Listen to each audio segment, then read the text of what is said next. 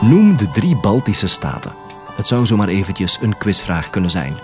Het juiste antwoord is Estland, Letland en Litouwen. Ze behoorden vroeger tot de Sovjet-Unie, maar zijn nu volwaardige democratieën en lid van de Europese Unie. Je krijgt trouwens bonuspunten als je ook de hoofdsteden kan opnoemen. En dat zijn Tallinn, Vilnius en Riga. In die laatste stad, in Riga dus, in Letland, woont de Vlaamse architect Manten de Vriend. Het was de liefde die Manten naar Letland bracht. In deze podcast hoor je zijn verhaal.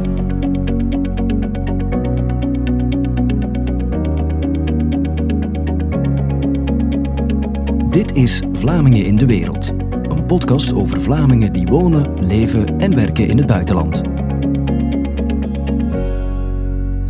Um, ik heb ooit, heel lang geleden, was ik op Erasmus. Dan heb ik een, uh, Lets meisje ontmoet. En dan ben ik nog in Brussel en in Nederland gaan wonen.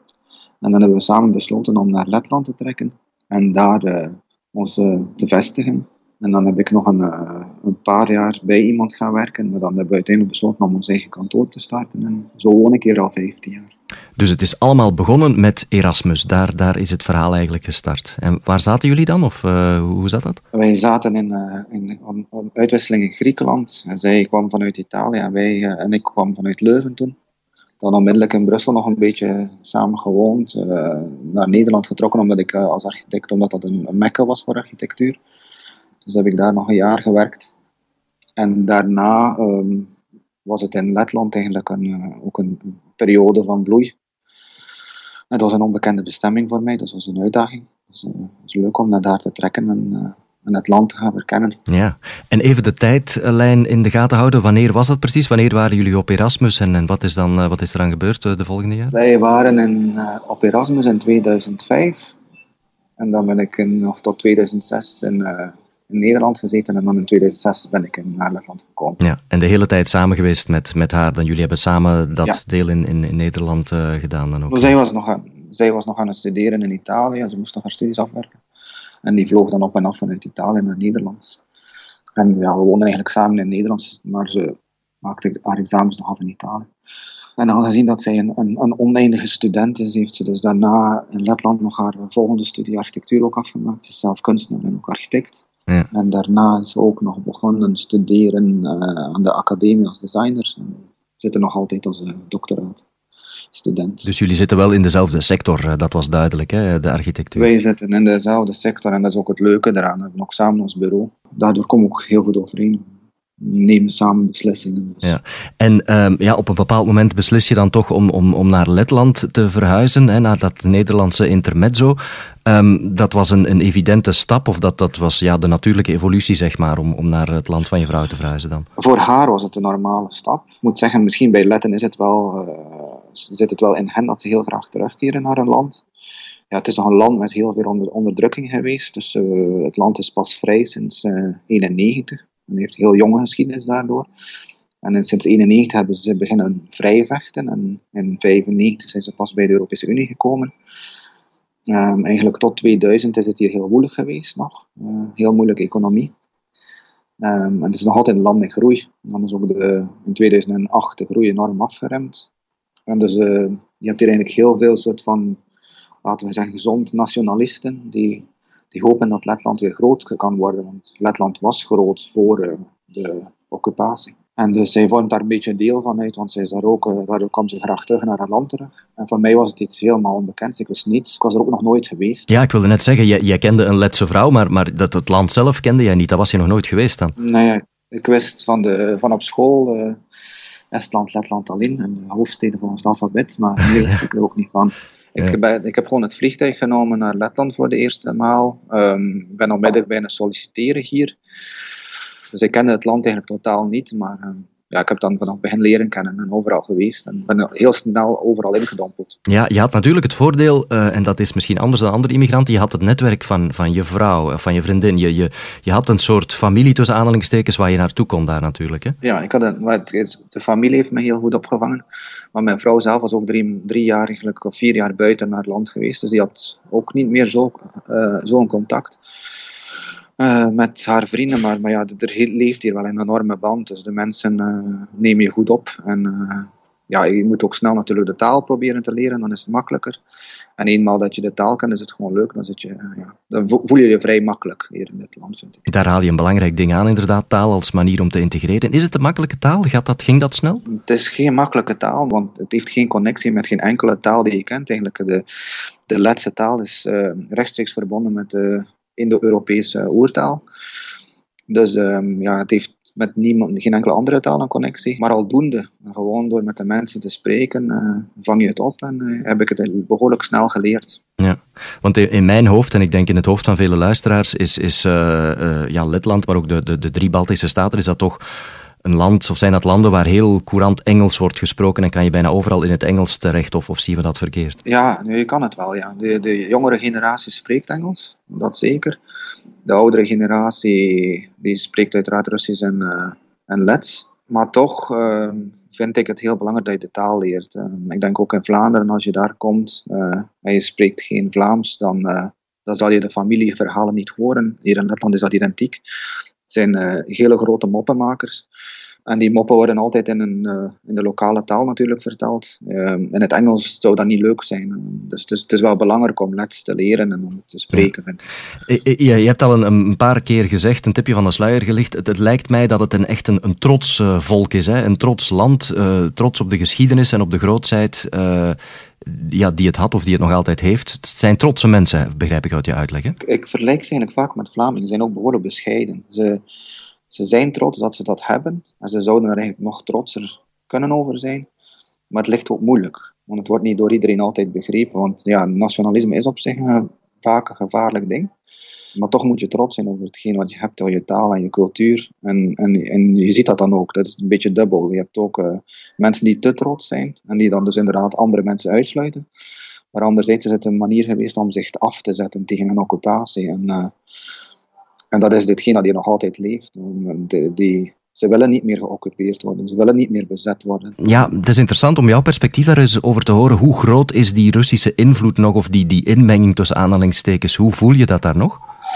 Nou, die zit natuurlijk nog in alles en nog wat. Het is, uh, het is een aparte manier van leven in de Baltische Staten. Er is natuurlijk uh, binnen de, zakenwereld en, uh, en het algemeen manier van, van communiceren met elkaar, is er natuurlijk nog altijd een soort van een bang zijn voor een bezetting of een afzetten van. Dus ja, ze willen dat, zij hebben dat meegemaakt en de rest van de wereld heeft dat eigenlijk niet meegemaakt. Dus dat komt ook heel vaak in, in discussies met de West-Europese mensen, dat, dat West-Europese mensen dat niet begrijpen. Mhm. Ik moet zeggen, ik, ben daar, ik heb daardoor een andere kijk gekregen op, op Oost en West. Communisme is wel een schrik. Socialisme op zich is een goed ding, want we moeten met elkaar samenleven. Maar het kan niet zijn op een, op een communistische manier, waar mensen eigenlijk echt dingen afgepakt geweest zijn en geen kansen kregen. En het feit uh, dat je in Europa bent en dat je kansen hebt, is gewoon fantastisch. En, en die waarde heb ik wel meer geleerd hier dan dat ik die had in België. Want daar was ik niet bewust van. Ja. Je hebt het in de praktijk ja, gehoord en verhalen gehoord uit eerste hand van mensen die, die het hebben meegemaakt. En dat is nog wat anders dan het in de geschiedenislessen leren of zo. Ja, maar het was gewoon schrijnend in het begin toen ik hier was. De verhalen van families die, die uiteengerukt worden. En eigenlijk, we spreken dan over jouw grootouders die, uh, die, niet meer, ja, die gewoon weg zijn en die zelf niet weet waar dat ze naartoe geweest zijn en die, dat zelf niet weet waar ze liggen. En, en dan ook als je dan naar, uh, naar bepaalde musea trekt, ja, dan zie je verschrikkelijke dingen, dingen die wij nooit gezien hebben in de geschiedenisles, die ook nu nog altijd niet, uh, niet worden getoond. En ja, dat geeft wel een andere kijk op Europa, want zij zijn eigenlijk ook deel van Europa altijd geweest. ze waren deel van het Duitse Rijk, van het Poolse Rijk, van het Zweedse Rijk. Dat, dat soort van dingen, ja, dat is natuurlijk allemaal weggevaagd. En 50 jaar doet veel met het land. En daardoor heb je ook die armoede nu nog altijd. En daar word je iedere dag mee geconfronteerd in de, in de bebouwde toestand. En ook nog altijd in de, in de, ik zeg, in de zakenwereld. Het is een andere manier van zaken doen bij, eh, bij een, uh, bij een, een, Oost, uh, Oost-Europese mentaliteit dan bij een West-Europese mentaliteit. En, en die Russische dreiging voor ons, is dat zo'n apart uh, en, en abstract begrip, maar die, die leeft daar echt, of je voelt dat bijna uh, aan de manier van leven daar? Die was hier uh, voornamelijk rond de Oekraïne-kwestie. Toen was het hier uh, spannend. Toen waren de, de Baltische Staten zeker, uh, zaten zeker met de schrik dat, dat de volgende kandidaat de Baltische Staten kon zijn. Dat kon je ook leven horen in diplomatieke kringen.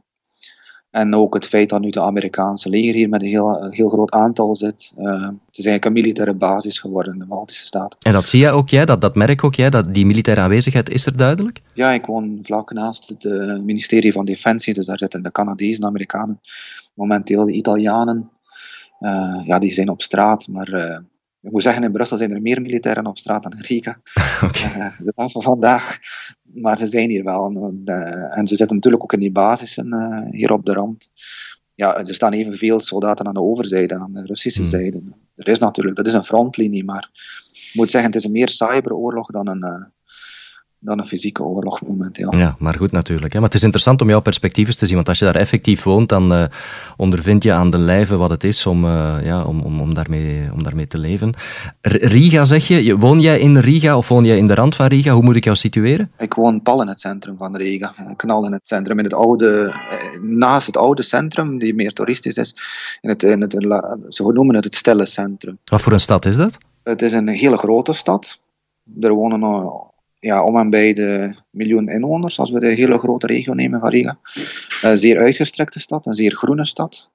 Natuurlijk met een zeer grote concentratie van uh, bewoners in de voormalige Sovjetblokken. Daar woont twee derde van de bevolking in. Maar voor de rest heb je heel veel, um, kan je het vergelijken met een uh, Berlijn, waar zo van die mietkazernes zijn, waar de mensen in wonen de meeste mensen wonen in eh, appartementen, dus niet in eh, vrijstaande woningen. Wordt er vaak nog Russisch gesproken? Is die taal nog, eh, nog aanwezig daar? In Riga zelf is 50% van de bevolking is Russisch. En dus het is ook een, een voertaal, ook al is het geen nationale landstaal.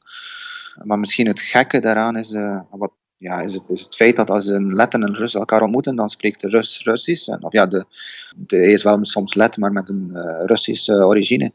Die zal dus uh, Russisch spreken en de Let Let, en die begrijpen elkaar. Oh ja. Wat mij tot confrontaties leidt, want ik spreek zelf geen Russisch. Ik spreek enkel Let. Maar um, ja, de meeste Letten kunnen ook nog Russisch. Uh, dus dat vormt op zich, in een straatbeeld vormt dat geen probleem. Maar toch gaan de Letten altijd uh, doelbewust let spreken tegen de Russen. Ze zullen nooit omschakelen tot de Russische taal omdat ze vinden dat die Russen wel let zouden mogen leren. En, en hoe, is het, hoe is het leven daar in die stad? Uh, schets die stad of de mensen, is, wat, hoe is de sfeer daar, om, om dan dat clichéwoordje te gebruiken? Het is een normale Europese stad. Uh, ik weet dat veel mensen die naar hier komen denken dat ze naar uh, Praag gaan. Dat het hier uh, spotgoedkoop is. Het is hier goedkoper mm. leven dan in, dan in West-Europa. Maar de stad zelf, Riga, is, zo zeker niet goedkoop. Daar zou je zelfs van, kunnen van schrikken. Uh, maar voor de rest is dat een zeer moderne stad geworden. Um, ook heel, ja, misschien te veel wagens in de stad. Um, veel toeristen, vooral in de zomer. Zeer ja, misschien zelfs als je, als je er ooit naar komt, is het gewoon ook boeiend om, om buiten de stad te raken. De rand van de stad en dan en zelf verder.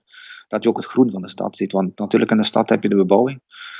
Maar buiten, eenmaal buiten de stad kom je gewoon in de bossen en in het groen. Ik ken niks van Letland, maar ik beeld het mij heel bosrijk en heel ja, licht heuvelachtig en uh, heel veel bossen in. Uh, heb ik, ben ik correct? Ja, ja, het, is, uh, ja. het is zeker geen vlakland. Het is ook geen uh, bergen. Ze hebben ook geen bergen.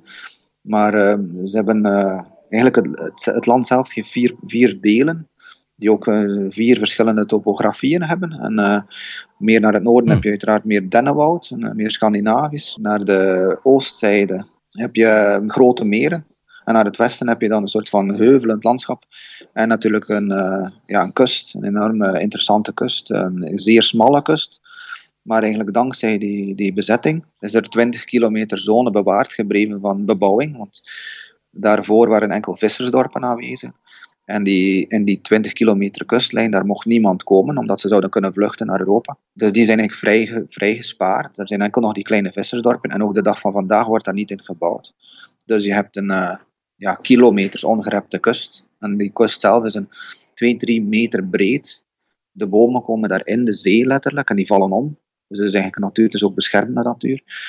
En daar kan je kilometers wandelen of zelf fietsen op het strand. Eh. Zijn het buitenmensen? Zijn de letten buitenmensen die vaak ja, fietsen, wandelen of, of avontuurlijke dingen doen? Nou, er zijn geen wandelende, fietsende mensen, maar uh, velen van hen hebben nog een tweede verblijf of alvast nog een uh, familielid die op het platteland woont.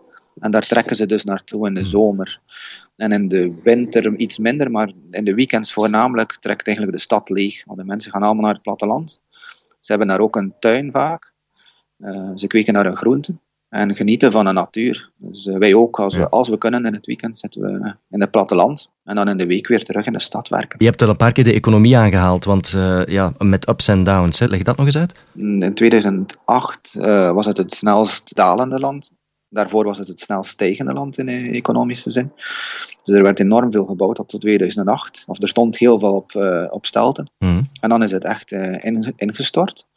Dat waren ook moeilijke tijden in die zin dat de lonen werden gehalveerd. Maar LED die slikt het, want het is niet de eerste crash die er geweest is. Die was er ook in 91, die was er ook in 95. Ze hebben van 91 tot 2008, uh, als ik me niet vergis, vier verschillende munten gehad. Dus ze weten wat dat is. En ze hebben dat ook opgenomen. Ze zijn misschien ook een van de landen die het best die, die moeilijke periode heeft verteerd. In de zin van, uh, vandaar ook dat wellicht ook de minister uh, Euro is een Letse minister, dus de minister van uh, Economie in Europa is een Let. Oh ja. Omdat die dus ook die, die hervorming heeft doorgevoerd. heeft heel hard gesneden en alles en nog wat. Er was weinig of geen protest, omdat Letten zijn niet gewoon van te staken. En nu zitten we weer op het niveau van ervoor en loopt alles weer normaal. Maar het, waren wel, ja, het, is, het was natuurlijk wel een beetje inboeten. Maar ik zeg, het, is, het zit in de mentaliteit ook het feit dat je naar een platteland kan en je eigen groenten kan kweken. En dat je een soort van ehm, het gevoel hebt dat je kan overleven. Is iets dat enorm bij de let leeft. Ze hebben in de Sovjetperiode niet anders gehad. Dat ze, ja, als er geen worst in de winkel was, dan uh, moest je iets anders vinden. Dus dat zit nog altijd bij de mensen uh, in een en een bloed. En uh, jij, ja, jij zit daar in de architectuur, je, hebt het, eh, je runt je eigen zaak samen met, uh, met je vrouw, dan, als ik het goed begrepen heb. Hè? Ja, in de laatste jaren gaat het beter en beter. Dus we doen meer en meer. Maar ik heb ook uh, zeer sterke banden nog altijd met België. En ik werk ook nog samen met de Universiteit Gent. Heb jij kinderen, Manten, of hebben jullie kinderen? Ja, we hebben drie kinderen. En hoe, hoe zit het met hun besef dat, dat er een, een soort Belgische, dat er Belgische roots zijn? Hoe ja, hoe sterk is die Vlaamse link nog? Zij worden altijd, nog altijd onderwezen door mij. Ik spreek zelf thuis Nederlands met hen. En mijn vrouw spreekt Lets met hen, dus ze, zijn twee, ze zouden moeten tweetalig zijn. De oudste begint dat besef nu heel sterk te krijgen. Die spreekt nu voortdurend Nederlands met mij. En als we naar, naar België gaan ook, dan spreken ze alle drie Nederlands. Maar in Letland uiteraard is dat iets moeilijker, want daar gaan ze ook naar school. Daar spreken ze dan voornamelijk Lets. Maar ze begrijpen en, uh, en de oudste twee spreken plots uh, Nederlands. Ja. Uh, hoe kijk je nu terug op die, want ja, 15 jaar geleden heb je je leren kennen dan, of je vrouw leren kennen, en dan ja, iets minder dan 15 woon je daar al. Hoe, hoe kijk je daar nu op terug? Want de, de tijd vliegt, hè. plots kijk je terug en dan woon je daar al meer dan een decennium. Hoe, hoe zou je dat omschrijven? Hoe kijk je daarop terug, op heel dat immigratieverhaal? Ik vind het uh, zeer verrijkend, laten we zeggen, om ergens anders te gaan wonen. Ik heb altijd wel natuurlijk, je moet ergens gaan wonen. Ik zou ook uh, de stap kunnen genomen hebben in Brussel te wonen en daar een leven uit te bouwen.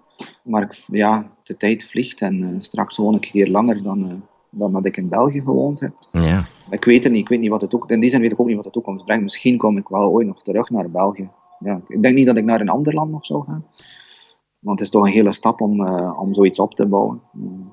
Nou, het zou voor mij natuurlijk uiteraard makkelijker zijn om in België te wonen. Want in de taal is een, groot helpstuk. Maar ik, vind het uh, zeer verrijkend. Ik vind het zeer leuk om uh, andere culturen te leren kennen. En ook een andere beeld te hebben op België. Te begrijpen dat er ook iets anders is. En dat ook andere mensen anders denken. En misschien dan ook die extreme met Letland. Dat het een, ja, dat het een heel andere cultuur heeft meegemaakt. Uh, die, en een, een bezetting heeft meegemaakt ja, dat, leert, dat leert je wel anders kijken op de wereld. Dingen die wij of die veel mensen gewoon als vanzelfsprekend en niet meer ter discussie stellen, ja, dat, dat zet het wel op losse schroeven als je in, in, in andere landen komt. Ja, de keuze van onderwijs bijvoorbeeld, dat je goed onderwijs had of dat je, dat je mocht zeggen wat je wou. Uh, ja, die, die, die, die ouders van mijn vrouw, die mochten niet zeggen wat ze wilden in hun leven. Um, die, die werden gestoken in een woning, die konden geen woning kiezen. Um, die konden niet kiezen in de winkel wat ze wouden kopen, ook al hadden ze het geld om het te kopen. Die konden niet een meubelen kiezen. Uh, die moesten zelf een eigen tuin hebben, ook al waren dat dus universitairen met een heel hoog diploma. Die eigenlijk van alles en nog wat de dag van vandaag doen. Die konden in die tijd dat niet doen. Die konden niet naar het buitenland. Ja, die mochten niet. Dus alles was zo geregeld. Uh, dat zijn dingen die wij, ja, die wij niet kunnen inbeelden. Of dat je ieder moment van de straat kan genomen worden en, en vermoord worden. Dat is iets dat die met dat soort van uh, stress leven, dat is iets dat, uh, dat ik niet zou willen meemaken. En natuurlijk, dat heb je nu hier, als, je, als dat echt bestaat, als er een, een, een dood is van pers bijvoorbeeld, dat is, uh, verschrikkelijk. Hè. Nee, maar goed, je weet, je weet nu wel hoe het ongeveer in elkaar zit en je hebt, je hebt echt uh, een ander beeld gekregen van wat wij hier gewoon uit de boekjes kennen. Want je zit daar echt inderdaad aan die, op, op die rode lijn, bij manier van spreken, daar vlakbij, ja, inderdaad. Uh, Manten, de, de, deze podcast wordt ook beluisterd door mensen die ja, plannen hebben om te immigreren. Misschien niet noodzakelijk naar Letland, maar naar andere oorden. Uh, jij hebt het zelf meegemaakt, je bent voor de liefde naar daar verhuisd, hè, zoals dat dan heette. Maar welke, welke raad of welk advies, en ik overval je dat misschien mee, maar welk advies zou je, zou je willen geven aan toekomstige immigranten? Uh, wat, wat, wat zijn enkele tips? Ik denk dat de belangrijkste tip is om, die, om de cultuur te begrijpen en, en, en te, te willen begrijpen. In de zin van uh, niet uh, de klassieke fouten begaan van te zeggen in België is het beter en in België zijn er frietjes en, en we gaan de Belgische cultuur gaan tonen in het buitenland. Ik denk dat, dat dat niet de bedoeling mag zijn in het begin. Het is beter om, om te begrijpen wat die mensen denken. En dan kan je beginnen met jou beter zijn. Uh, want dat is een fout die veel Belgen maken en denk ik ook veel ambassades maken. Dus dan vooral genieten uh, in het begin. En dan is het een kwestie van uh, vaak van, ja, door, van door. Als je langer wil blijven, dan is doorzetten natuurlijk. Dan er komen zeker moeilijke momenten aan. Ook zelfs momenten waar je misschien dan denkt dat het inderdaad wel effectief veel beter is dan in jouw thuisland. En dan denk ik dat dus als je die waarden doorgebracht hebt, dat als je die ook dan jouw eigen waarden goed begrijpt, dat je dat die kan doorzetten aan je kinderen en uh, aan je naasten. Er is zoiets blijkbaar als de immigration blues. Hè? Je hebt op een bepaald moment, um, iedereen heeft een dipje dat je zegt, wat zit ik er eigenlijk te doen en uh, zat ik maar terug thuis tussen aanhalingstekens. Dat moeten we allemaal door blijkbaar. Hè? Ja, ja, nee, dat is zeker. Dat heb ik ook gehad. Het is altijd... Uh, op zich makkelijker, denk je, in jouw eigen land. Maar als je weet dat je daar ook waarschijnlijk moet vechten om, om bijvoorbeeld jouw, uh, jouw beroep uit te oefenen. Het is waarschijnlijk ook niet even makkelijk, uh, maar dat zie je gewoon niet. Dus uh, je, je, krijgt een heel ander beeld, ook als je dan in contact komt met ambassades en dergelijke meer. Je krijgt een heel ander beeld van het land natuurlijk. België wordt als een promotie land naar buiten gebracht, wat een heel ander beeld is dan het, dan het land effectief is. Ja. Daarom denk ik is het zeer belangrijk als je ergens gaat wonen om om te begrijpen wat dat land is en wat dat betekent en ook de cultuur erachter te leren, een beetje geschiedenis te weten en het land te, te, te ontdekken. Want ik zeg, ik heb, eh, doordat ik Letland heb leren ontdekken door overal te zijn in Letland, heb ik ook in België overal beginnen reizen. Vroeger ging ik nooit te reizen in België, nu eh, iedere keer als ik in België ben, ga ik België gaan ontdekken. Ja, ja. Ik pak de oude wagen en ik trek naar uh, Henegouwen en ik ga naar de Limburg vanuit West-Vlaanderen. Ik vind dat een fantastisch gedeelte van België. En dat komt gewoon ja, doordat je dat hier doet, denk ik. En ook de afstanden zijn kleiner. In Letland, de afstand naar de dichtstbijzijnde stad is, uh, ja, een grote stad, is dan 300 kilometer. Ja, België 300 kilometer, je bent aan de andere kant en je denkt van, amai, ik heb een hele reis gedaan. Terwijl, eigenlijk is dat maar niets. Ja. Dat is drie, vier uur in de auto zitten en je bent ergens anders. Of je neemt de trein, het is allemaal makkelijk. Heeft Vlamingen in de wereld, heeft VIW een rol gespeeld in, jou, in jouw verhaal? Mm, ik heb altijd heel veel... Um, samengewerkt met de Vlaamse vertegenwoordiging, dus die in Polen zit voor ons. Want wij hebben eigenlijk in de Baltische Staten hebben geen vertegenwoordiging. We hadden een ambassade, maar die is verhuisd, wat een grote, een grote fout is van de Belgische staat. Maar met die ambassade werkte ik heel vaak samen vanaf het begin. Ik deed daar heel veel tentoonstellingen mee, dus ik promote eigenlijk ook Vlaanderen door architectuur en kunst, heel vaak. En toen op een bezoek van de Vlaams minister-president, die heeft mij eigenlijk gezegd van ja, word vertegenwoordiger van Vlamingen je bent dat sowieso al. En dan heb ik dat ook uh, geworden. En dan heb ik wel nog misschien iets makkelijker uh, bepaalde dingen kunnen organiseren. Maar ik moet zeggen, sinds de ambassade verdwenen is, is er eigenlijk een zeer grote representatie weg. En is het ook veel moeilijker om, uh, om Vlaanderen en België te overtuigen om hier iets te doen. Wat is de dichtstbijzijnde ambassade? Waar moet je naartoe bijvoorbeeld als je je paspoort of consulaire diensten nodig hebt? Ik moet naar Stockholm, wat eigenlijk gewoon een grap is.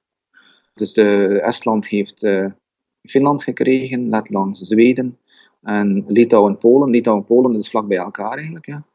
Maar eh, Letland, en dat is eigenlijk het midden, het belangrijkste land, laten we zeggen, van de Baltische Staten. Onbegrijpbaar, vooral namelijk ook dat de Letse cultuur is. Dus is ik zeg, de, de hoofddirigent van de Metropolitan in New York is een, is een Let. In Amsterdam is een Letse dirigent. In België, alle korenmuziek die op niveau is, wordt geleid door Letse dirigenten. Ja. Ehm, op zang zijn ze nummer één. Ja, hoe kan je dan uh, nog samenwerken? Ik heb collega's vocalen hier uitgenodigd. Dat was fantastisch. En dat soort dingen zou je nog veel meer moeten doen. Als er geen ambassade is, uh, en VUW kan dat niet doen. VUW is meer een soort van, ja, je vertelt erover inderdaad, zo door podcast en door het boekje die fantastisch door mensen te, laten begrijpen wat het is om te leven in het buitenland. Ik reis ook zelf door op die manier soms naar eh, andere landen om mensen te ontmoeten van Vlamingen in de wereld, wat altijd leuk is. Maar dat is natuurlijk geen echte, ja, die kan geen zo'n grote organisatie. Nee, inderdaad. Um, we gaan uh, moeten afronden. Ik, uh, ik bel jou nu op een, uh, op een dinsdagochtend, een doordeweekse dinsdagochtend. Wat staat er hier nog op jouw planning? Gewoon om een idee te krijgen van hoe jouw dag er nog uitziet. Wat doe je na, na onze babbel zo meteen nog? Ik heb nog heel veel werk. ik vertrek morgen op reis, dus voor drie dagen. Dus ik heb nog heel veel dingen te bespreken met mijn medewerkers. Ik hoop dat ik er doorraak tegen vanavond negen uur, zodat ik kan mijn valiezen pakken en morgen drie dagen er tussenuit nemen. Goed, oké, Manten, we gaan hier afronden. Dankjewel om, jou, uh, om jouw verhaal te vertellen. En uh, veel succes daar nog in, in Riga en in Letland. Oké, dankjewel. Dit was een podcast van Vlamingen in de Wereld, de belangenorganisatie voor landgenoten die in het buitenland wonen, werken en verblijven. Als het ook bij jou kriebelt om andere oorden op te zoeken, ga dan zeker eens langs op viw.be. Vlamingen in de Wereld biedt een schat aan informatie over immigreren en biedt een wereldwijd en actief netwerk van duizenden uitgeweken Vlamingen. Op de website van VIW vind je trouwens nog veel meer podcasts en verhalen van mensen die de sprong gemaakt hebben. Vergeet zeker ook niet om deze podcast te liken of te delen op sociale media. Tot volgende keer.